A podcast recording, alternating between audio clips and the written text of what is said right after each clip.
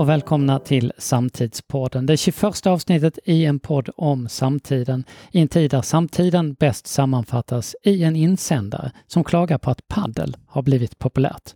Redan i min ungdom paddlade vi, skriver skribenten, men skillnaden mellan nu och då, det är människans bekvämlighet. Nu kan vi inte ens ta ut kanoten utan måste vara inomhus i en paddelhall och jag som för länge sedan tappade förmågan att avgöra om hela världen trollar mig, jag heter Anders Milner och med mig in i förvirringen har jag precis som vanligt Jasmin Aran Moder.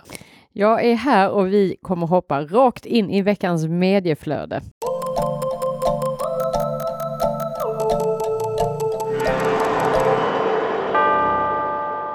Och det här har varit en så galen vecka för medierna, eller hur Anders? Det har det varit. Först har vi alltså Lena Andersson som gick från DN till Svenskan och där har hon hittat en miljö, verkar det som, där hon kan blomma ut fullständigt.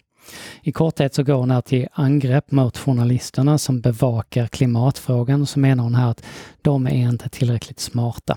Så läser jag det i alla fall. Istället för kritiskt tänkande så får vi någon slags domedagsjournalistik över eh, klimatfrågan. Texten avslutas med ett exempel här. I Antarktis uppmättes för övrigt 25 grader den 5 juni 1934. Här hänvisar hon till New York Times. Klart varmare en 2020 års rekord på dryga 18 grader. Och när sortens eh, retorik hör man hela tiden, eller hur Jasmin? Mm. Att det kan vara fel för att vi ser att det var varmare, det hade naturliga skillnader och sådär. Eh, Expressens Jens Liljestrand sammanfattade så här. Det dröjde dock inte länge innan det på sociala medier påpekades att de 25 graderna 1934, ja men det var ju såklart Fahrenheit och inte Celsius. Eh, alltså man hamnar då på runt minus 3,9 Celsiusgrader. Och eh, då tar det lite tid. Jag vet inte, hängde du med i den här diskussionen i realtid, jag, jag, jag, kan säga att jag halkade lite efter och var väl mer hakan i i golvet lite hela tiden när man bara kände att ja. det är någonting här eh, som är, övergår kanske en sandlådenivå. För det är, när, när sådana här saker utvecklas det går det ju väldigt snabbt, speciellt mm. på Twitter. Mm. Så eh, Tove Livendal som då är politisk chefredaktör på, på Svenska Dagbladet svarade folk som angrepp att, att det var naturligtvis Fahrenheit som avsågs i båda fallen. Vilket gjorde det ännu mer förvirrat och så skrev hon, tror du att Antarktis uppmätte 18 grader Celsius 2020? För din skull så har vi skrivit ut i artikeln att det är Fahrenheit som gäller. Och så ändras artikeln i tidningen då, vilket då var alldeles för snabbt, för det var ju inte sant. Det var faktiskt 18 grader februari 2020, Exakt. det var sommar där då. Mm. Och det var minus 3,9 där i, i juni eh, 34. Och då får man ju såklart stryka om i tidningen igen och, och Livendal får ju såklart pudla, vilket hon gjorde, att, att det här gick för snabbt för mig då. Eh, det är ju det är märkligt i sig att, att det här kan komma in, eh, kan man tänka. Det är märkligt att det fortfarande finns kvar den här eh, tron på att man hittar någon slags sanningar i eh, som, som omkullkastar alla klimatförändringar. Ja, just det. Som För, alla andra har, har tappat bort fakta på vägen och ja, bara hittar på. Mm. Och det, då krävs det ju en konspiration mm, egentligen mm, för att mm, det ska mm, funka, mm. för att hela världen ska, ska Genom att blanda ihop det så är, har vi alla övertygats om att det är en kris som det inte egentligen är. Eller jag vet inte vad ja. man ville. Det blir så bisarrt när man tittar på detta när man har framförallt varit med lite i diskussioner kring klimat. Alltså det är inte så jättesvårt att ta reda på det här och sannolikheten på det ena eller andra. Nej. Man behöver varken vara klimatförnekare eller klimathejare eller vad man nu är. Det är det som, som när vi hade Almedalsseminariet förra året så sa eh, eh, Andreas Berg en, en, väldigt bra sak. Ni ska veta detta. Forskare är nästan aldrig överens om någonting. Mm. Det är så för alltså, man har olika, man lägger fram sina fakta, men man är nästan aldrig överens. Så när forskare väl till största delen nästan säger så här, vi är överens om det här, då ska man notera det mm, mm, och, och, ta det mm. för, för, mm. för det speciella som det faktiskt är. Exakt. Den trovärdigheten. Som en tanke här så kommer SOM-institutet Göteborg eh, med en antologi om klimatförnekelse. Och här är det tre forskare, Henrik Ekengren Oskarsson, Jesper Strömbäck och Erik Jönsson som är på gång då att kartlägga den svenska klimatförläggaren, eh, förläggaren, klimatförläggaren, klimatförnekaren Det finns säkert förlag som ger ut klimatförnekare också, de är klimatförläggare. Och för någon dag sedan så fick vi då en glimt av de första resultaten. Det är ju spännande. Hur ser det ut mm. egentligen? Mm. Så här är det, alltså, den svenska klimatförnekaren röstar i tur och ordning på 1. Sverigedemokraterna. 2. KD. 3. Moderaterna och Socialdemokraterna mm. lika stora. Mm. Personen själv definierar sig som klart till höger. Kommer från 1. Företagarhem, 2. Jordbrukarhem. I den ordningen. Mm. Personen är 1. Lågutbildad och 2. Med, medelutbildad. Och antingen är den här personen gammal, det vill säga över 65, eller mellan 30 och 49. Ungefär och, lika stora. Den tycker jag är lite intressant, bara hålla, hålla vid den. Den 30 till 49. Ja. Intressant. Det, det är intressant. Någonting är ju, eh, har man ju misslyckats med informationsspridning. Ja, mm och personen är en man. Omvänt, om man bara vänder på det för tankeexperiment, så betyder ju det här att, att vårt största hopp just nu står till en ung välutbildad kvinna som står klart till vänster och röstar på Vänsterpartiet eller Miljöpartiet.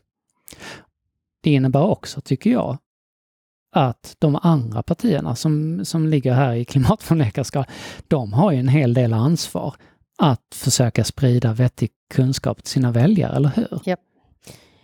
Och det tycker jag ändå, vi har ju tagit upp det någon gång, där vi, jag bland annat tog upp eh, att Timbro har tagit upp en, en ganska aktiv roll i klimatdiskussionen som de inte haft innan, som jag tycker är eh, vettig och intressant. Och det, ja, men det kanske är faktiskt, eh, det, det, jag menar, vi ska ju vara medvetna om att här finns ju massa människor som inte är klimatförnekare bara för mm. de är ja, ja, S eller M eller så, så, alla ni som lyssnar tror att inte tror att vi tror att det är liksom alla. Men Såklart. att eh, liksom, ja, men lite bra lyfta upp dem som faktiskt Man har ett jobb att göra här mm, då. Ja, och eh, det här gäller ju också de, de eh, politiska redaktioner som är förknippade inom de här politiska fältet. Då kommer vi tillbaka då till ansvaret för att publicera en text ja. som Lena Andersson utan att faktakolla den. Mm. Den spär ju på detta. Såklart. Och ger det. Mm. Ger folk liksom verktyg. Mm. Eh, inom samma ämne så rapporterar Sveriges Radio så här. Det måste bli ett omedelbart stopp för ny utvinning av fossila bränslen om världen ska ha en chans att undvika de värsta klimatförändringarna. Det här slår det internationella energiorganet IEA fast i en rapport som väcker uppmärksamhet idag. Det är alltså för några dagar sedan. Och den här rapporten säger eh, en VD på ett oberoende forskningsorgan som heter Energiforskning att eh, den, den är ovanligt tydlig. Och Marcus Fråke uttalar sig så här för Sveriges Radio att IEA, som är en så tung instans, gör den här typen av analys om vad som skulle krävas för att världen ska bli koldioxidfri. Eh, koldioxidfri. Det har inte hänt förut. Mm. Eh, i det här sammanhanget har vi också en text från Dagens Industri om att den gröna rapporteringen håller för låg kvalitet och de som skriver det här mm. det är Rickard Grötheim och Johan Florén från AP7. Jasmin, vad, vad har vi att säga om den? Ja, men det som vill jag bara hänvisa tillbaks till den eh, rapporteringen från Sveriges Radio, för det är ju otroligt anmärkningsvärt. Och eh, vi vet ju i våra olika diskussioner kring klimatfrågor att man har ju diskuterat allt att, att många av de här stora oavsett om de är rena oljebolag eller andra som investerar i den här typen av fossilbränsle exempelvis, att de måste hinna ställa om. Vi måste låta dem vara med. Det är bra att de är med så länge vi kan pusha dem åt rätt eh, riktning. Det man lyssnar på här då i radion är att nej, nej, nej, vi måste sluta nu. Mm. Det, det, finns liksom ingen omställning under x antal år utan vi måste ta ett mycket, mycket liksom tydligare tag i att eh, det är liksom inte en gyllene konsensusmedelväg som vi gillar i Sverige, utan det är antingen eller. Antingen har vi en jord att leva på eller inte och då får vi fatta vissa beslut. Vi vet ju också att det finns väldigt mycket billig alternativ eh, el idag som vi skulle kunna skala upp och sen får vi ha den diskussionen hur exakt det ser ut. Och det sa de ju också i det här radioinslaget. Eh, för er som inte lyssnar på det, lyssna på det för det är riktigt, riktigt eh, bra och informativt. Samtidigt som man då läser den här eh, insändaren av eh, av eh, AP7-representanter eh, som i princip skyller lite mer, nu, nu hårdrar jag det ska mm. jag säga, men på att det är problemet med att, att liksom ha mer gröna investeringar i de här fonderna är för att det är så svårt för företagen att rapportera om det. Jag förstår inte, jag förstår inte kommentaren.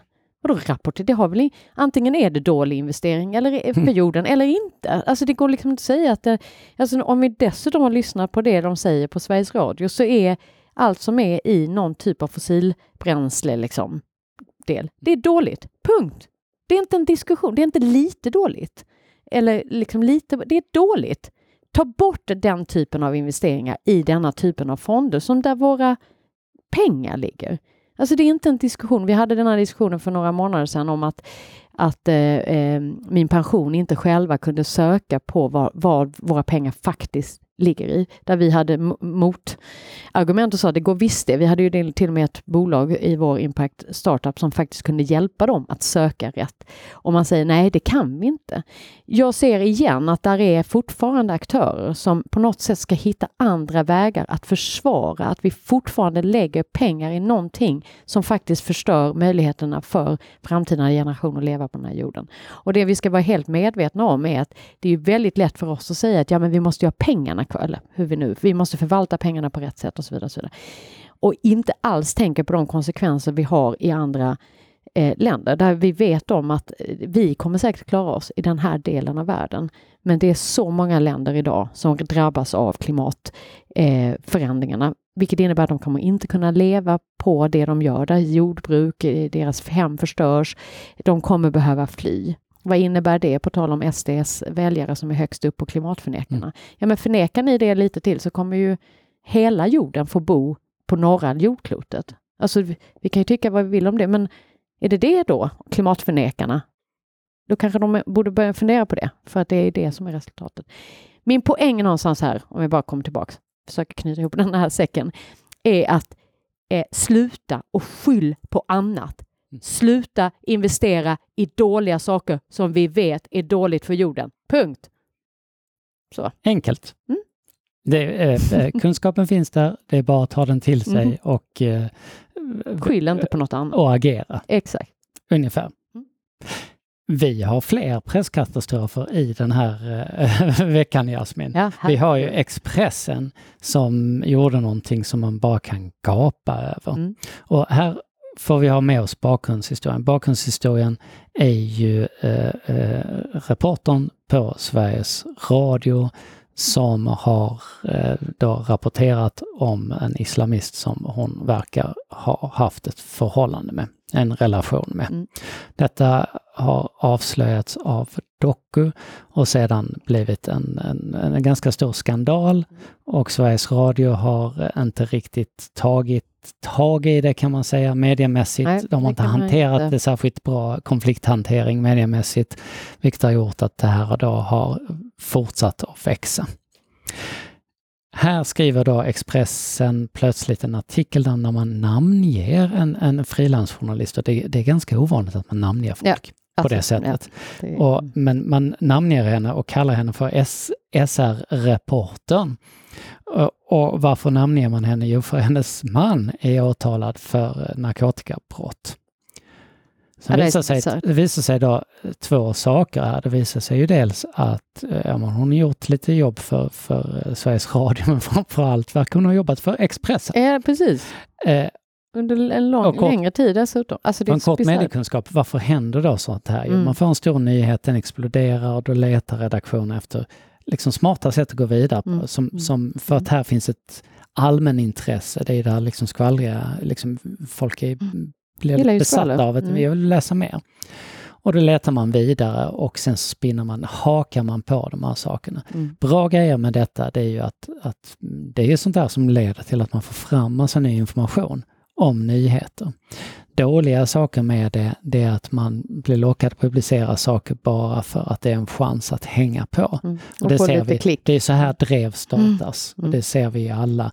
Det, det är som här som ledde till problematiken under metoo där det gick från liksom vettiga publiceringar till tveksamma mm. publiceringar mm. för att man är och gräver i, i, i saker. Alltså mm. pressetiskt tvek, tveksam. Börjar tolka jag menar inte att ämnet inte är relevant nej, nej. utan pressetiskt tveksam. Men man börjar tolka allt som i den riktningen och sen helt plötsligt så blir det drev på allt och alla. Liksom. Eller hur? Mm. Och sen så blir ju det här då, det, det här är ju mer skvallervärde i det här men, men det, det som är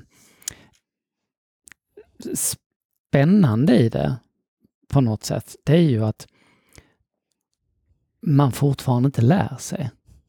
Alltså även på de här djupt professionella redaktionerna, och jag skulle nog säga att vi har aldrig haft så professionella redaktioner vi har idag, så är den här gränsen, och särskilt för en kvällstidning, så balanserar, man vill ju gärna balansera på gränsen, så är det så enkelt att det bara går över. Är, varför blir det så då? Att det är svårt att balansera på gränser. Det är det ju. Det är det för alla egentligen. Det är... Men är det att man känner sig så pressad och att man inte ändå stannar upp och tänker igenom att... Nej, pressad tror jag inte man är. Jag tror att man är... Att man vill vara först är, ute med någon Att nyhet. man är lite... Ja, men det här blir, mm. det här blir nog mm. Eh, liksom spännande. Mm. Det är lite kittlande att vara på gränsen. Mm. Samma problematik ser man ju till exempel i en ståuppare som lever på att vara mm. Mm. provokativ. Alltså går det en jävligt lätt över politisk twittrande som lever på att, att kittla just det här lite förbjudna eller sådär. Mm. Att vara på gränsen, det är svårt. Mm. Ja, nej, ja. Och då faller man Så hamnar det... Den kommer säkert att, att, att uh, gå vidare här, men, men det intressanta i bakgrunden det är ju att bakom uppmärksamheten kring Sveriges Radio-nyheten så ligger ju det och, och, och, i bakvattnet den här public service-diskussionen som så lätt kan kopplas samman och drivs av den populistiska hatet mot journalister och hatet mot public service. Yep. Eh, det är ju den som får ett ytterligare uppsving när man lanserar då den här stackars kvinnan som SR-reportern. Mm. Eh, vars man då tydligen odlade för att eh, ha det för medicinskt bruk, för att ha sina smärtor. Så det, det är väldigt grunt, var... alltihopa blir så grunt och så men vi har ju fler medianyheter. Ja, har vi? Ja, det I har samma vi. Liksom härad kan man säga. Lite i samma härad och vi har ju pratat mycket om corona och eh, det har ju varit en, en stor känd sak att Dagens Nyheters vetenskaps och medicinreporter Amina Mansour eh, sa upp sig från tidningen. Hon upplevde att arbetsmiljön blev sämre och hon fick massa hat utifrån, fick inte stöd inifrån tidningen vad hon själv upplevde och inget stöd från redaktionsledningen. Och nu kommer hon med sin bok Pandemier där hon berättar om, om året som, som gick. Hon ska då här, här ha förbjudits att medverka i program och diskutera coronarelaterade eh, journalistik som till exempel i medierna eller i P1 Morgon. Och när det är en forskare som berömmer hennes insatser, journalistiska insatser för att bevaka coronan och hon tackade får hon då förmaningar från redaktionschefen att det här ser inte bra ut. Varför gör det inte det? Det ser inte bra ut eftersom forskaren var kritisk mot chefredaktören och mot ledarskribenterna som väldigt profilerat då ställt sig som en anti-Folkhälsomyndighetens eh, perspektiv. Vilket land bodde vi nu i? Ja, oklart, oklart. Vilket, la, vilket, land detta gäller, men det, det Vad hände med vår kallt frihet? och det är hårt. och vi får tydligen inte uttrycka oss är detta? vi vill längre. Och jag vet att du har läst Flocken precis. Ja. Eh, skulle du rekommendera Flocken? Jättebra, jag tycker den var helt fantastisk. Jag tror eh, oavsett faktiskt så, så vad man har stått i den här synen på eh, var, var rätt eller fel strategier så har de, jag tyckte den var väldigt liksom, informativ och, och, varför det ser ut på ett sätt och varför man har, har haft den här approachen Sverige kontra andra länder och diskussioner och Eh, ja men jättebra, mm. mycket bra. Jag tänker inte avslöja eh, vad, vad, som händer i den om, om man liksom har fått ett rätt eller fel, men, men den var framför allt väldigt, väldigt informativ. Mm. Eh. Och här tror jag att man då får en slags pandang i hennes bok Pandemier mm. Som nog ger inblicken hur svårt det Exakt. är faktiskt med journalistik ja. och hur svårt det är med oberoende journalistik. För du har ju allt det där inom en redaktion. Du har alltid en chefredaktör som mm. tycker saker mm. och går ut, med, särskilt i de här stora nyheterna som det här, eh, låser fast sig mm. vid vissa. Det är svårt att vara oberoende då. Mm. Du har alltid en ledarredaktion och den har väldigt mycket större fötter idag, eller ja. skostorlek, eftersom den syns så mycket i alla eh, diskussioner. Mm. Är det svårt att, att, att bedriva en oberoende vetenskapligt grundad syn på journalistiken samtidigt som de brakar på åt, mm. åt sitt mm. håll. Mm. Skvallervärdet i det här eh, formuleras bäst av Emanuel Karlsten i GP. Eh, för här har vi alltså redaktionschefen som, som eh, påstås av Amina Mansour liksom varna henne då för, för hennes verksamheter på, på, i sociala medier och säger att hon bör kanske inte göra det så här mer. Eh, det är inte vem som helst, skriver Emanuel Karlsten. Han heter Kasper Opitz och han är sedan en månad tillbaka medieombudsman, alltså den som är satt att granska och klandra medier som inte följer de etiska spelreglerna. Uh, så här, bara här har vi ju en, eh, en, eh, soppa ja, här såklart, som kommer antagligen kommer att eh, mm. fortsätta utspelas. Värt att ta med sig tycker jag i att det du läser när du läser medier produceras alltid i ett sammanhang. Mm. Det sammanhanget avgör lite grann vad det blir för, för, för utkomst mm. av det. Mm det är svårt att navigera ja, som svårt. läsare i, ja. i det här. Men, men eh, spännande och lärorikt. Ja. Och en, en, bara säga en medskick i det här att, att liksom, om man läser tidningar, vilken tidning man nu läser, att ändå ha med sig just det här att kanske alltid bara lyfta blicken lite, kanske ta del av lite fler tidningar än en. Mm. Framförallt om man fastnar i att detta är sanningen. Mm. Eh, och ibland hamnar man ju i att ledarsidan är sanningen, det är mm. åsikter, vi, liksom bara så vi mm. är med på det. Och att det, det ska ju förhoppningsvis vara en oberoende, som Amina då, en oberoende, men alltid fundera på, mm. kan jag få flera källor till det, eller flera liksom, delar av det här. För mm. jag, jag vet inte om du upplever det, men jag kan ju mer och mer uppleva att, att liksom i både nära och, och liksom i, i eh, mer aparta relationer att ja, men det där måste ju vara sant, för det har jag ju mm. läst eller hört eller sett och det behöver inte ens vara i tidningar utan man känner men Kvantitet spelar ju en roll. Alltså, ja. Kvantitet mm. spelar en roll och det finns ju folk som har gjort de här räkningarna, till exempel hur ofta de här 22 forskarna, om vi kallar det för dem, eh, som nu har en egen liten grupp, eh, mm. hur ofta de har förekommit i just Dagens Nyheter un, sedan pandemins ja. utbrott. Ja.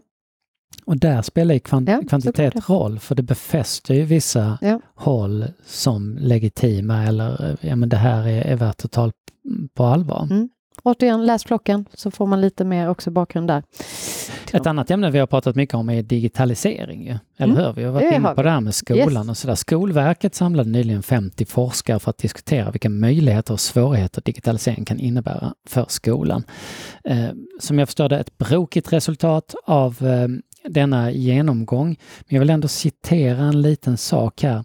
Eh, lektor David Masumi vid Högskolan i Gävle lyfter fram studier som visar att de flesta lärare är positiva till den digitala utvecklingen samtidigt som 80% av dem uppger att de inte har tillräcklig kompetens. Det kan man ju förstå, eller, mm. eller hur? För mm. det, det, är ju mycket att, att mm. lära sig. Mm. En positiv inställning räcker inte, säger han. De behöver kunna designa, integrera och lösa problem och vi måste satsa på fortbildning. Skolledarna är gatekeepers. Det är de som bidrar till kulturen. Det är de som organiserar verksamheten. Och det här, menar han, det måste ske tidigt. Mm. Eftersom de första åren i lärarkarriären är avgörande. Sen tar man efter tradition och man anpassar, mm. man sätter sig och det är självklart att man funkar så som människa. Mm. Så därför så kommer man ju, liksom, risken är att man fortsätter på samma sätt som de första tre åren. Mm. Och har man inte gett sig in i det digitala, utforskat och skaffat sig verktyg, så kommer man aldrig att göra det. Eh, och här flikas in då att, att en Staffan Selander flikar in att, att vi har hört från flera skolor i Stockholm att de måste börja med att utbilda nyexaminerade lärare i sina digitala system. Det är ju inte riktigt klokt. Nej, det är inte klokt. Och det, vi ser det också lite så att det här äh, hänger också ihop med det här äh, som man brukar prata om, det livslånga lärandet. Och, och det, det kan man ju själv känna till sin egen liksom, äh, utbildning. Att saker och ting ändras ju i världen man måste ju en, en, anpassa och ändra sig. Och vi har ju pratat om det här innan i skolvärlden, att, att det är ju, det kommer det nya verktyg, då måste vi anpassa. Mm. Lärare liksom alla andra. Då kan man inte bara säga att ja, men det får någon annan göra. Nej, men nej, nej, alltså det här är ju världen nu. Och det är ju kan inte leva jobb. i en 80-talsvärld i en 2021. Och det är ett hårt jobb och det är mycket ja, det är som det. måste göras, ja, det men det är ju ingenting som, som, som säger att, att, att, att att bara för att det är mycket att ta tag i, att man inte kan, att man kan låta bli. Nej, nej, nej, men det finns ju inget försvar Jag fick det, den bästa bilden, Claes Magnusson som, som eh, leder Malmö yrkeshögskola som, som har apputbildningar och så mm, vidare, för digitala utbildningar, fantastiska utbildningar ja. för, för, eh, för unga i allt digitalt egentligen. Eh, han skrev när vi diskuterade det här på, på Facebook att att han kunde se framför sig en skolsituation där läraren liksom kämpar med att få lektionen att fungera på distans som vi haft nu i corona. Mm. Vilket vi vet att alla lärare har kämpat med. Mm, mm. Vi vet ju också att mm. folk kämpar med sina digitala möten. Ja, ja, hela tiden. Mm. Men från barnets perspektiv, från de mm. ungas perspektiv, hur de sitter där, vi har läraren, skolan i datorn och alla apparater runt mm. omkring mm. som de har kommunikationer med, ja, som de gör videos ja, med, som de gör musik med, som de gör allting digitalt med, all den kunskapen. Och hur skolan då i den här lilla mm. rutan mm. kämpar med att få det att mm, fungera. Mm, mm. Och det glappet, det kan ju inte få vara så stort Nej, som det, det är idag. Och, och, och, många då som nästan förbjuder det andra istället för att lära av. Tänk yeah. vi hade haft en ömsesidig lärandesituation där. Alltså, Många av de här kidsen kan ju väldigt mycket om detta som skulle kanske till och med kunna vara en fördel in i lärandesystemet. Ja, man löser ju ingenting genom att förbjuda Nej, det. Eller ta bort eller tro att 80-talet fortfarande vill leva kvar i skolan. Nej, det, så, så kommer vi nog mm. inte eh, vidare på, på eh, något sätt över, överhuvudtaget. Livslångt lärande, in med det eh, och faktiskt ta till sig. Jag ska säga att det jag citerade kom från skolverket.se. Mm. Och därmed är det dags för veckans Men hallå!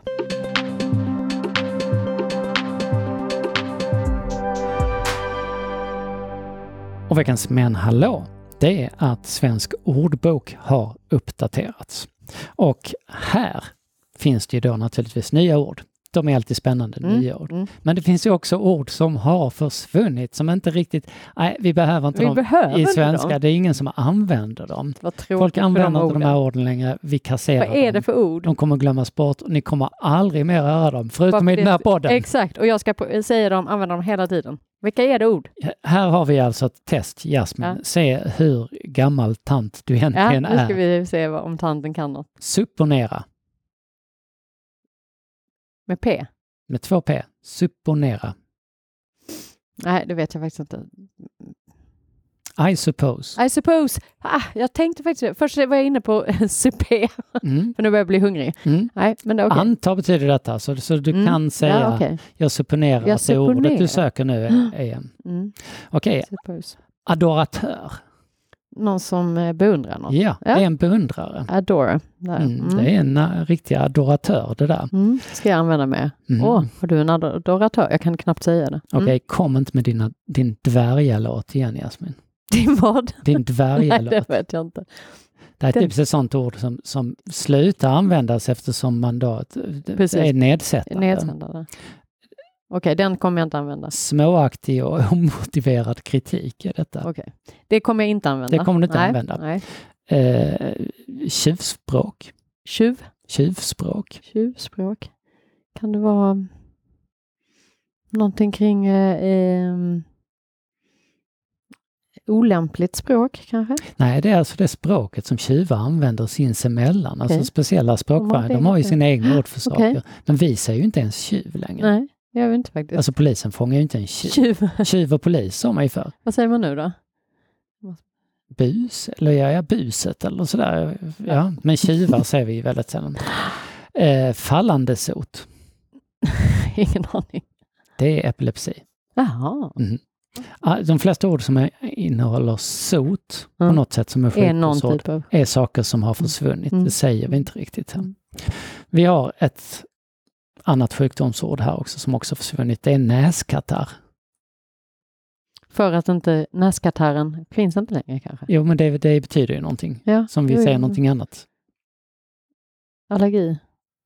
Ja, nästan. Det är alltså snuva. Jaha, helt enkelt. Mm. Har du lite näskatarr? Ja, och jag har sån näskatarr, ja, i, i, jag har sån näskatarr idag så att eh, du kan supponera att, att, ja, att jag kommer vara hemma. Om vi börjar prata så så kommer ingen annan förstå oss. Det kanske, kanske är bra. Vi kan vara ett eget lilla tjuvspråk här. Hörni, det är fredagen den 21 maj och den här dagen idag, 1927, så landar Charles Lindbergh efter att ha flugit mellan Paris och New York. Första gången någon flög ensam mm -hmm. över Atlanten. Mm -hmm. Några år senare, 1932, så blir Amelia Earhart den första kvinnan att göra samma sak. 1955 så spelar Chuck Berry in Maybelline i Illinois och 1971 så släpper Marvin Gaye What's Going On. Och 1983 mm ja, Jasmin, då hamnar Bowie på första listan med låten Let's Dance. Den har du Absolut. dansat många gånger kan jag supponera. Det kan du supponera rätt i. och det här var allt för oss idag. Du har lyssnat på Samtidspodden som produceras av Altitude Meetings och ni kan läsa mer om oss på altitudemeetings.se. Vi ses igen om en vecka. Ha det bra till dess.